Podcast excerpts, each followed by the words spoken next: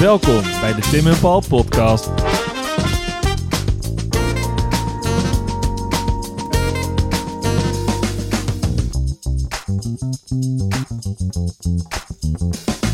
Paul, dit is afleveringetje 9. 9. Ja. Wat ja, leuk dat iedereen dit altijd zo trouw blijft luisteren. Dat ook voor hem. Maar.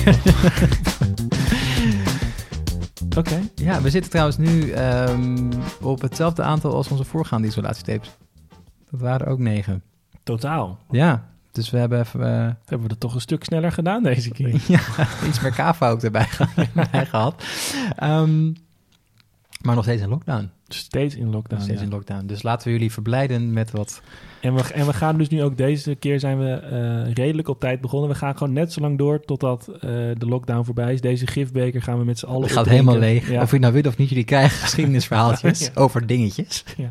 over spullen. Ja, Ook al vond je de vorige isolatietapes leuker, jammer dan. stuur het vooral niet in de comments, want we gaan het niet veranderen. Nee, we zijn hele kwetsbare jongens en we willen graag alleen complimenten hebben. Goed, Tim. ehm, never change eh, middelmatig team. Dus ga jij, eh, Zal ik weer Ga beginnen? jij beginnen, ja. De stijgbeugel. Oeh. Weet je, dat, dat is misschien, zou ik willen, willen betogen, een, de belangrijkste eh, ontdekking sinds de uitvinding van het wiel. Ja. De stijgbeugel. Iets simpels als een stijgbeugel, wat, je eigenlijk, wat eigenlijk zorgt voor stabiliteit, controle ehm, en wendbaarheid op een paard. Dat is een stijgbeugel. Nou, de- nee, een stijgbeugel is een soort ringetje waar je je voet in stopt en waar je dan wat aan het zadel vast zit, waardoor je er makkelijk op kunt komen. Maar vervolgens ook als je op dat paard zit, makkelijker tikken kan verduren. Je, je staat eigenlijk op dat, op dat zadel in plaats van dat je benen loshingen. Mm, ja. Want dat is meteen waar we moeten beginnen. Ehm, echt in de verre, verre oudheid eh, werden er paarden gebruikt. Ehm, werd het, eh, werden eh, in, weet je, Karel, of tenminste, hoe heet die man ook weer? Alexander de Grote. Ik had groot zien, andere, Ja. andere zijn allebei groot. Alexander de Grote had bijvoorbeeld ook al ruiters. ehm, Ja. Maar het ding was dat die ruiters los op dat paard zaten. Geen zadel. Wel een zadel of een, of een rudimentair zadel, een lapje of een, of, of een dekentje. Maar ze zaten ergens op, op dat paard. Maar ze hadden weinig mogelijkheden om dat paard echt te controleren. En als het hard ging, als het echt ging hobbelen, hielden die guys de manen van dat paard vast. Dus Dat- je kunt je voorstellen ja. dat het voor niemand echt relaxed was. Ehm, Romeinen Nee, zowel voor man en paard was het niet heel fijn, nee. Nee. En voor, eh, ja, tenminste de Romeinen daarna, die hadden ook paarden die een beetje bekend zijn. We zijn bijvoorbeeld in het Romeinse leger, heb, heb je die soldaten met die grote schilden en die korte steekzwaardjes. Maar je had bijvoorbeeld ook al gewoon de cavalerie daar, Mhm. ruiters ehm, met lansen en schilden. En die hadden ook nog geen stijgbeugels. En die gebruikten eh, een soort van knop aan de voorkant van het zadel. Denk aan een cowboy die Mm, daar dan ja, met een, lasso. Ja, ja. een lasso aan vast kan maken. Maar daar hielden die lui zich aan vast. Ja. En Terwijl ze ook nog een schild en een lans vasthouden en ja, een dus speer je, of whatever. je kunt je voorstellen, dat is bijna handig. Het is zeg maar bijna, Ja. maar gewoon eigenlijk nog volstrekt niet handig. Ehm, we gaan weer naar Azië toe. Want al het goede Komt, eh, ja, nee, Komt uit we hebben er heel veel aan te danken. Ja, nee, serieus. Ja. Die stijgbeugel is ook in China ontwikkeld. Ehm, en Zijn er, zijn er, sorry dat ik onderbreek hoor, maar zijn er dingen die niet in China ontwikkeld zijn als eerste en daarna in, in Europa terecht zijn Ja. gekomen? zou je zou er dus een studie van moeten Ja. maken. De stropdas, volgens mij. ja, en dat geven ze ook gelijk in ook. Nee, ehm, het is heel irritant, want dit is altijd met echt oude geschiedenis. Je weet nooit precies Je, wanneer... weet, je was er niet bij, hè? Je was er niet bij en het Nee. is, er zijn geen bronnen van. Je spreekt niet de precieze dialecten. Het is onduidelijk wanneer dat nou eigenlijk echt begonnen is. Maar wat een hele belangrijke bron in dit geval is, zijn eh begrafenis, een soort van monumenten, begraafplaatsen, waar Mhm. mensen begraven zijn met geld en staten. Ehm, zo ook in het geval van de stijgbeugel. Ehm, een van de eerste voorbeelden van het concept dat er iemand op een paard zit met een zadel en een voetsteun, zo moet je het eigenlijk zien, dus een voetsteun voor het paardrijden, eh, werd opgegraven in een graf van rond de 322 na Christus. Na Dus dat is Christus, echt, ja. zeg maar, in Europa zit, zitten we dan nog eigenlijk in het staartje van de Romeinse tijd. Even, even qua context. Ehm, en dan wordt er in China wordt er een beeldje, eh, of tenminste, daar wordt iemand dan met een beeldje begraven. Dat is waarschijnlijk een Chinese edelman, eh, waarin een ruiter eh, beeldjes wordt, wordt in zijn graf meegestopt wordt. En daar zit dus een kereltje op met een paardje en stijgbeugeltjes. En dat is de- het eerste voorbeeld van ja, zo'n soort ja. voetsteun voor, voor bij het paardrijden. Ehm, het is heel aannemelijk dat dat dan al eer- eerder gebruikt is. Ja. Want dit is niet waarschijnlijk de de eerste, guy man. Het zou heel die- toevallig zijn Ja. als de, in, precies in dit graf de eerste guy of all time de stijgbeugel had, toch? Precies. Ja. En het houdt waarschijnlijk eh, verband met een ontwikkeling die in de, in de vierde eeuw in China een beetje in, in, in gang wordt getrokken. En dat is een ontwikkeling die ons West-Europeanen niet heel vreemd voor zal, zal eh, komen. De ontwikkeling van een hele specifieke eh, ruiterklasse, zwaar bewapend, Mhm. met, eh, die in China ook wel de ijzeren cavalerie genoemd werd. Spannend. Ridders. Ja. Chi- Chi- ja, ja, Chinese ridders hebben dat gebruikt en zijn dat gaan, gaan eh, toepassen. Ehm, waarom ze dat zijn gaan gebruiken is nog een beetje onduidelijk, maar je, het is gewoon logisch eigenlijk. Het is of een tool om makkelijker paard te kunnen rijden, eh, of een tool om stabieler paard te kunnen rijden. In ieder geval is het gewoon heel duidelijk dat dat, Dat dat het het gewoon, ontwikkeld eh, ja. is om dat paardrijden makkelijker en beter te maken. Ja, het is niet, je hebt het niet gebouwd om beter porselein te kunnen bakken of zo. Nee, het is dat heel specifiek. Ja. Dat, dat is, wat je nu zegt is onzin, Ja. Paul. Dat moet ik je, moet je nageven. Ja, moet ik dat je het teruggeven. even weet. Ehm, en in China ontwikkeld, of in, in Azië wordt dat verder verspreid. Het gaat naar Japan toe. Het is in China eerst in een soort van kleine provincie, in het soort van mid, midden naar, naar eh, het is het oost-neigend zuiden, daar zo'n beetje. Mhm. Ehm, en maar dat ver- verspreidt zich verder door China en het verspreidt zich naar de steppenvolken. Eh, en die vervolgens nemen het mee naar West-Europa. Ja. En dan krijgt West-Europa ook ineens te maken met die stijgbeugel. En het Waar, verspreidt, zit, waar zitten we dan ongeveer qua tijd? nou, denk 600, 700 na Christus. En ja. dat is heel tof. Het verspreidt zich eigenlijk niet echt snel door Europa. En ik heb een aantal sta- statistiekjes die daar wel treffend voor zijn. En dan gaan we weer naar die eh, begraafplaatsen toe. Mhm.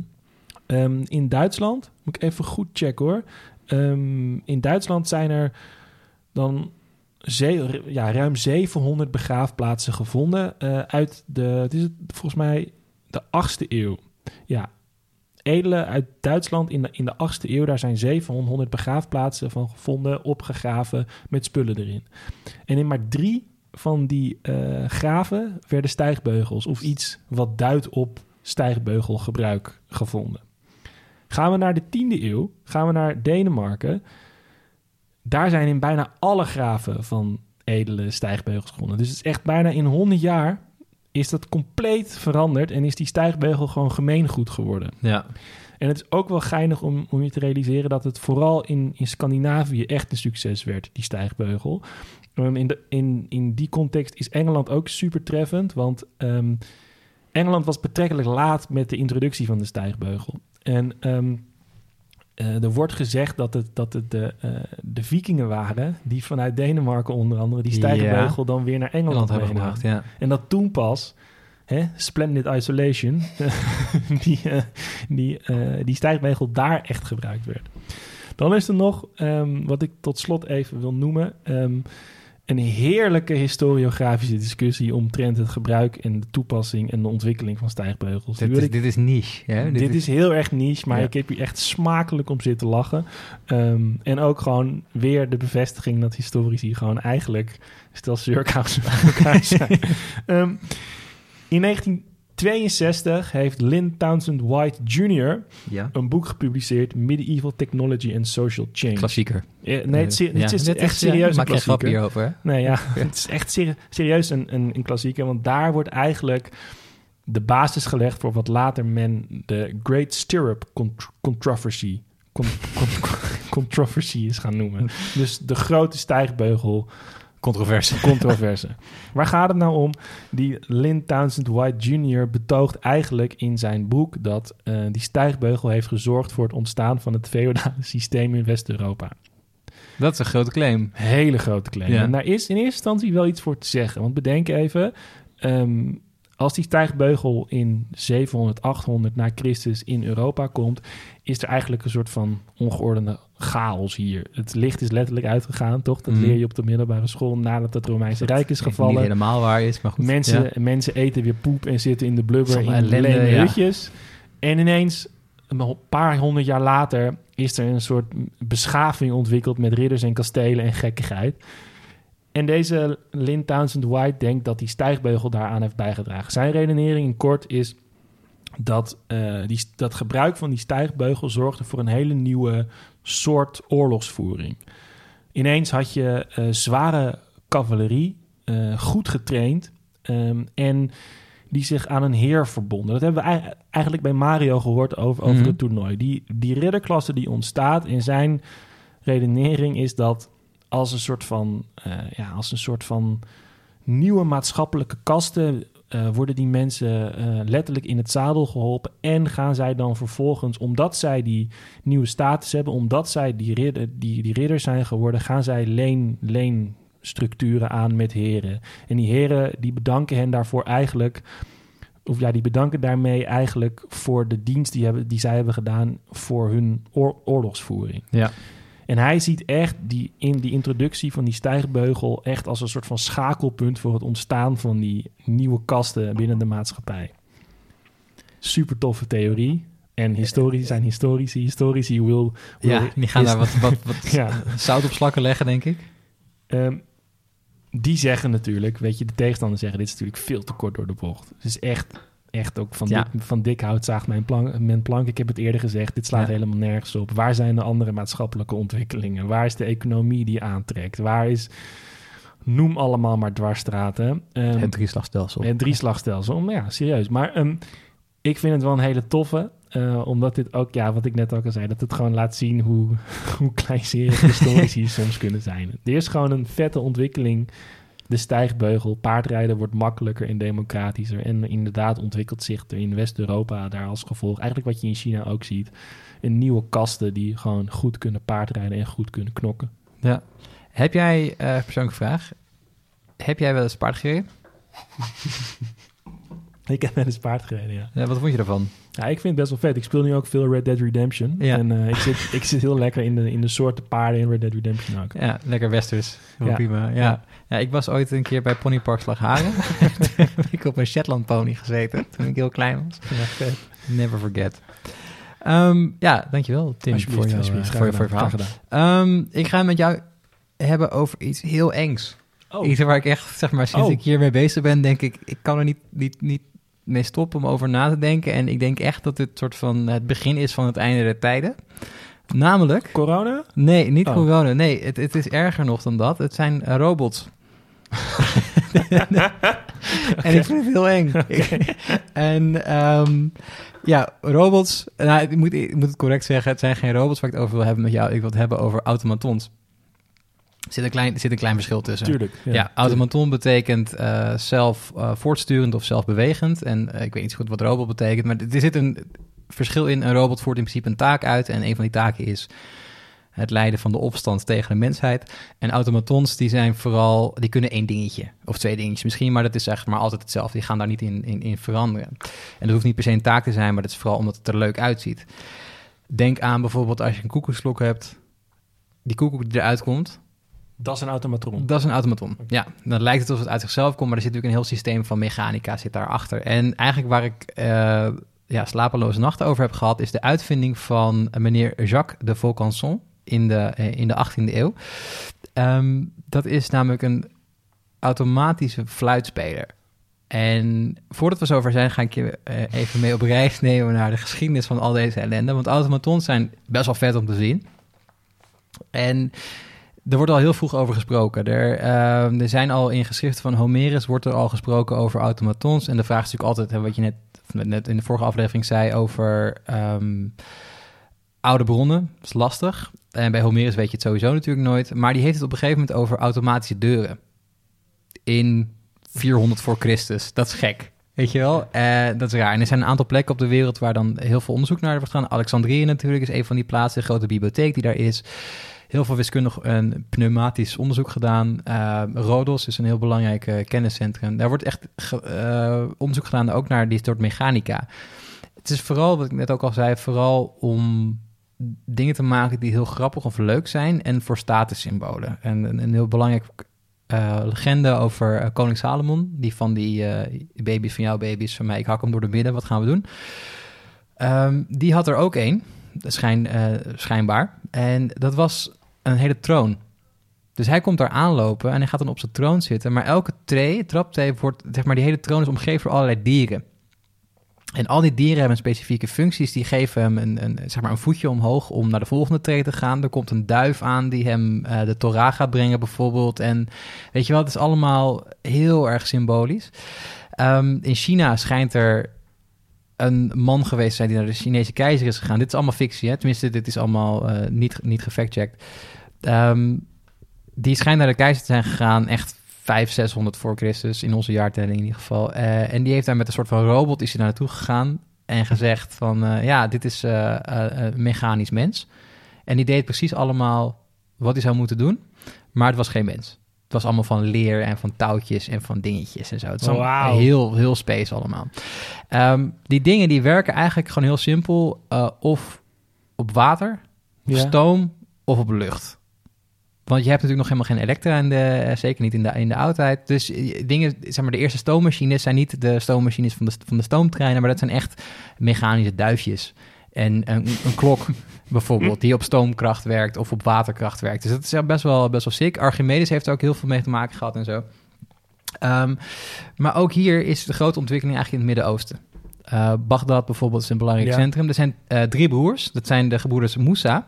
Die schrijven een boek over dit soort onderwerpen. En dat, het boek heet The Book of Ingenious Devices. Dat schrijven, tenminste, dat schrijven, dat schrijven ze in het, in het Persisch. Maar uh, dat is de Engelse vertaling. Dat is een beetje zelfbevlekking natuurlijk. Als wij een boek met z'n tweeën gaan schrijven en Gaat dat heet de, de de Book of Amazing ja. Podcasts, dan ja, dat is toch een beetje jammer. Maar goed, er staan inderdaad gekke dingen in. ehm, over hoe je bijvoorbeeld eh, nou ja, met waterkracht eh, duifjes kan laten bewegen en dat soort, eh, dat soort dingen. Leonardo da Vinci maakt een volledige ridder. ehm, voor, het, voor het Italiaanse Hof en in, in, in Milaan. En die hebben ze een aantal jaar geleden nagebouwd, dus replica. En die deed het ook gewoon. Dus het was maar, een- maar wacht even, die, je zegt die deed het, maar Ja. wat doet hij dan? die ja, bewoog zijn hoofd en deze zwaard omhoog en zo. Dat paard ging stijgen of zo. Weet je, wel, dat soort... Ja, dat dan, soort het is niet dat er echt daadwerkelijk een, een, een, een mechanische... op een gegeven moment jou neersteekt en de wereld overneemt, waar jij zo bang voor bent. Dat gaat later gebeuren. Dat is nu nog niet, niet bij Leonardo da Vinci. maar de, de aanzet is, is daar gekomen. Ehm, en dit is eigenlijk allemaal een soort van spielerij voor de, voor de elite. Totdat we in de, ehm, nou ja, in de 17e eeuw aankomen met René Descartes. En dan, komt, dan komt er in één keer een hele filosofische laag overheen. Want hij zegt eigenlijk... hij eh, is die guy van ik denk dus ik besta, toch? ja, ik denk dus ik ben. ehm, en hij heeft ook nog andere dingen gezegd. Eh, heel veel dingen heeft hij eigenlijk gezegd en geschreven. Eh, maar hij is ook het, de, een van de grote ehm, architecten van het idee van mechanica. Dus van, of eigenlijk dat God een klok, eh, klokwerker is. En wij zijn hier om dingen uit te voeren. Maar wij, zijn, zeg maar, wij, zijn, wij kunnen al onze dingen in ons lichaam kunnen wij vervangen met mechanische onderdeeltjes. Maar dit, wacht even, je doet nu heel veel tegelijk, maar dit is zeg maar die, dat verlichtingsdenken dat, dat God niet meer een actieve rol speelt in Nee, die heeft, wij, en, zijn, zeg wij, zijn, ingrepen doet in ons leven. wij zijn hier neergezet, wij zijn gebouwd en we zijn hier neergezet als een soort, nou ja, noem het uh, uh, aandraai-alarmsystemen. Ja. Of een, zo'n autootje. Maar en, dat was zijn idee, toch? Zeg maar, daarvoor was het idee dat God uh, alles bepaalde. Ja. En dat God zeg maar interventies deed. En als je maar hard, hard genoeg aan het bidden was, dat je dan, weet ik veel wat. Ergens terecht komt. Ja, ja. en zijn, zijn idee was dan meer dat God gewoon overal is en in de natuur zit. En dat hij um, een soort van klok heeft gemaakt. Dat, ja, dat is ja God, beeldspraak God is van- een, is, een klok. klokmaker. Ja. En um, dat heeft dus ook... Dat, En dat die klok, laat het even afmaken, dat die klok gewoon werkt. Ja. En dat die klok uh, regelmatig werkt en dat die voor, voorspelbaar werkt. Maar dat je dus ook uh, het, het, het klokmechanisme van God misschien op zijn manier via zijn wetten kan aanpassen. Ja, precies. Je kan, daar, je kan daarmee gaan spelen. Ja. En um, dus de, de link tussen mensen van vlees en bloed en um, zeg maar echt, echt soort van wat zijn wij eigenlijk? Ja, wij zijn spieren, wij zijn zenuwen, wij zijn uh, een, een, een, bloedcel en we zijn uh, een kloppend hart. Dat kan je ook vervangen. Ik kan mijn pezen vervangen met ijzer. Touw. Ja. Touw, uh, whatever. Dus weet je, dat, daar komt er veel technischer idee komt daar, komt daarbij. Um, en dat, dat idee, dat, dat zeker in de protestante uh, landen, wordt echt goed overgenomen. En dan kom je op een gegeven moment in de, in de, vanuit de 17e eeuw, ga je naar de 18e en 19e eeuw. En op een gegeven moment is er iemand, dus ik noemde net al uh, Jacques de Vaucanson, die neemt het iets te letterlijk. Ja. En die maakt eigenlijk een trio van eh, apparaten, drie, een trio van automatons. Eén is een duif, so far so good, en die duif die eet en die poept. Dat kan niet. Dat is vreemd, maar dat kan niet. Dat doet hij natuurlijk niet echt, maar dat is wat, wat het lijkt als je er naar, naar zit te kijken. Ehm, Maar die moet je dan dus wel bijvullen na een uurtje. Ja, ik weet niet precies hoe dat allemaal, allemaal werkt. Het, zit, het, het, het- het is natuurlijk niet iets echt, maar het lijkt heel erg alsof, het, snap dat zo is. Ehm, en vervolgens is er, en dat is de engste, de fluitist. En waarom is dat nou zo eng, Tim? Ehm, Tot nu toe vind ik het vrij onschuldig. ja, nog. maar wacht maar, wacht maar. Wat er nou zo eng is aan, de, aan dit ding... Kijk, er zijn vaker ehm, menselijke vormen als automaton ge- eh, gebruikt. Er is er ook eentje bijvoorbeeld, dat is een, een Duitse eh, automaton. Dat, is de- dat noemen ze de Turk. Dat is een schakend, schakende automaton. Maar dat was eigenlijk geen automaton, want er echt iemand in dat machientje zat om de dingen aan te, aan te sturen. Ja. Dus dat telt niet helemaal. Maar goed, het leek wel op een mens. Ehm, die, die Jacques, die maakt dus de fluitist. En waarom is het nou zo eng? Want hij kwam er dus achter van... ik wil iemand hebben die een fluit kan spelen. Vet leuk, dan hebben we gewoon iemand die Mozart kan doen. Maar op eh, ijzer of op hout blijft zo'n fluit niet hangen. Daar kan je geen fluit mee spelen. Want Wat is, bedoel je? Als jij een, een fluit, als jij een dwarsfluit of een blokfluit vast hebt... dan heb je een gevoel nodig, toch? Ja, maar je bedoelt gewoon qua, qua huid of qua, zo, qua, qua, qua, spieren. qua Ja. vasthouden. Ehm, dus wat doet hij? Hij komt er dus achter van, nou, die, die fluit die glijdt elke keer uit zijn handen. Ehm, dat valt ook op de grond, het is allemaal ellende. Dat, dat moet, zo kan ik niet bij het hof van, van Frederik de Grote aankomen Nee, tuurlijk natuurlijk. Nee, dat is, eh, sta je enorm voor Was ook een fluitspeler. Enorme fluitist, ook enorm fan van automatons. Ehm, maar wat doet hij dus? Hij zegt, ja, dat werkt niet met ijzer en met, met hout. Ik ga er menselijke huid overheen leggen. Nee. Precies, ja. Dus dit is de eerste biomechanische automaton Sick. Ehm, die het dus doet. En dus ook ja, enorm populair is, gaat overal, gaat overal heen. Ehm, en dat is eigenlijk het begin. Ik weet niet of je ooit Terminator hebt gezien. ik denk dat daar, zeg maar, Nee, als, we, als maar wij over oké. 500 jaar zijn overgenomen... dan is dat soort van de, nou, de Alexander de Grote van, eh, van de robots. Want dat was de eerste hybride combinatie tussen mensen en, eh, en ijzer. Wauw. Ja, de automaton. Vond jij dit nou een interessant verhaal en wil je meer over geschiedenis weten? Hou dan onze Instagram in de gaten. We zouden het ook heel leuk vinden als je een recensie achterlaat. Vijf sterren, mag gewoon. En heb je nou een vet idee waar we het over kunnen hebben? Slide dan in onze DM's. Durf gewoon te vragen. Tot de volgende. Groetjes thuis.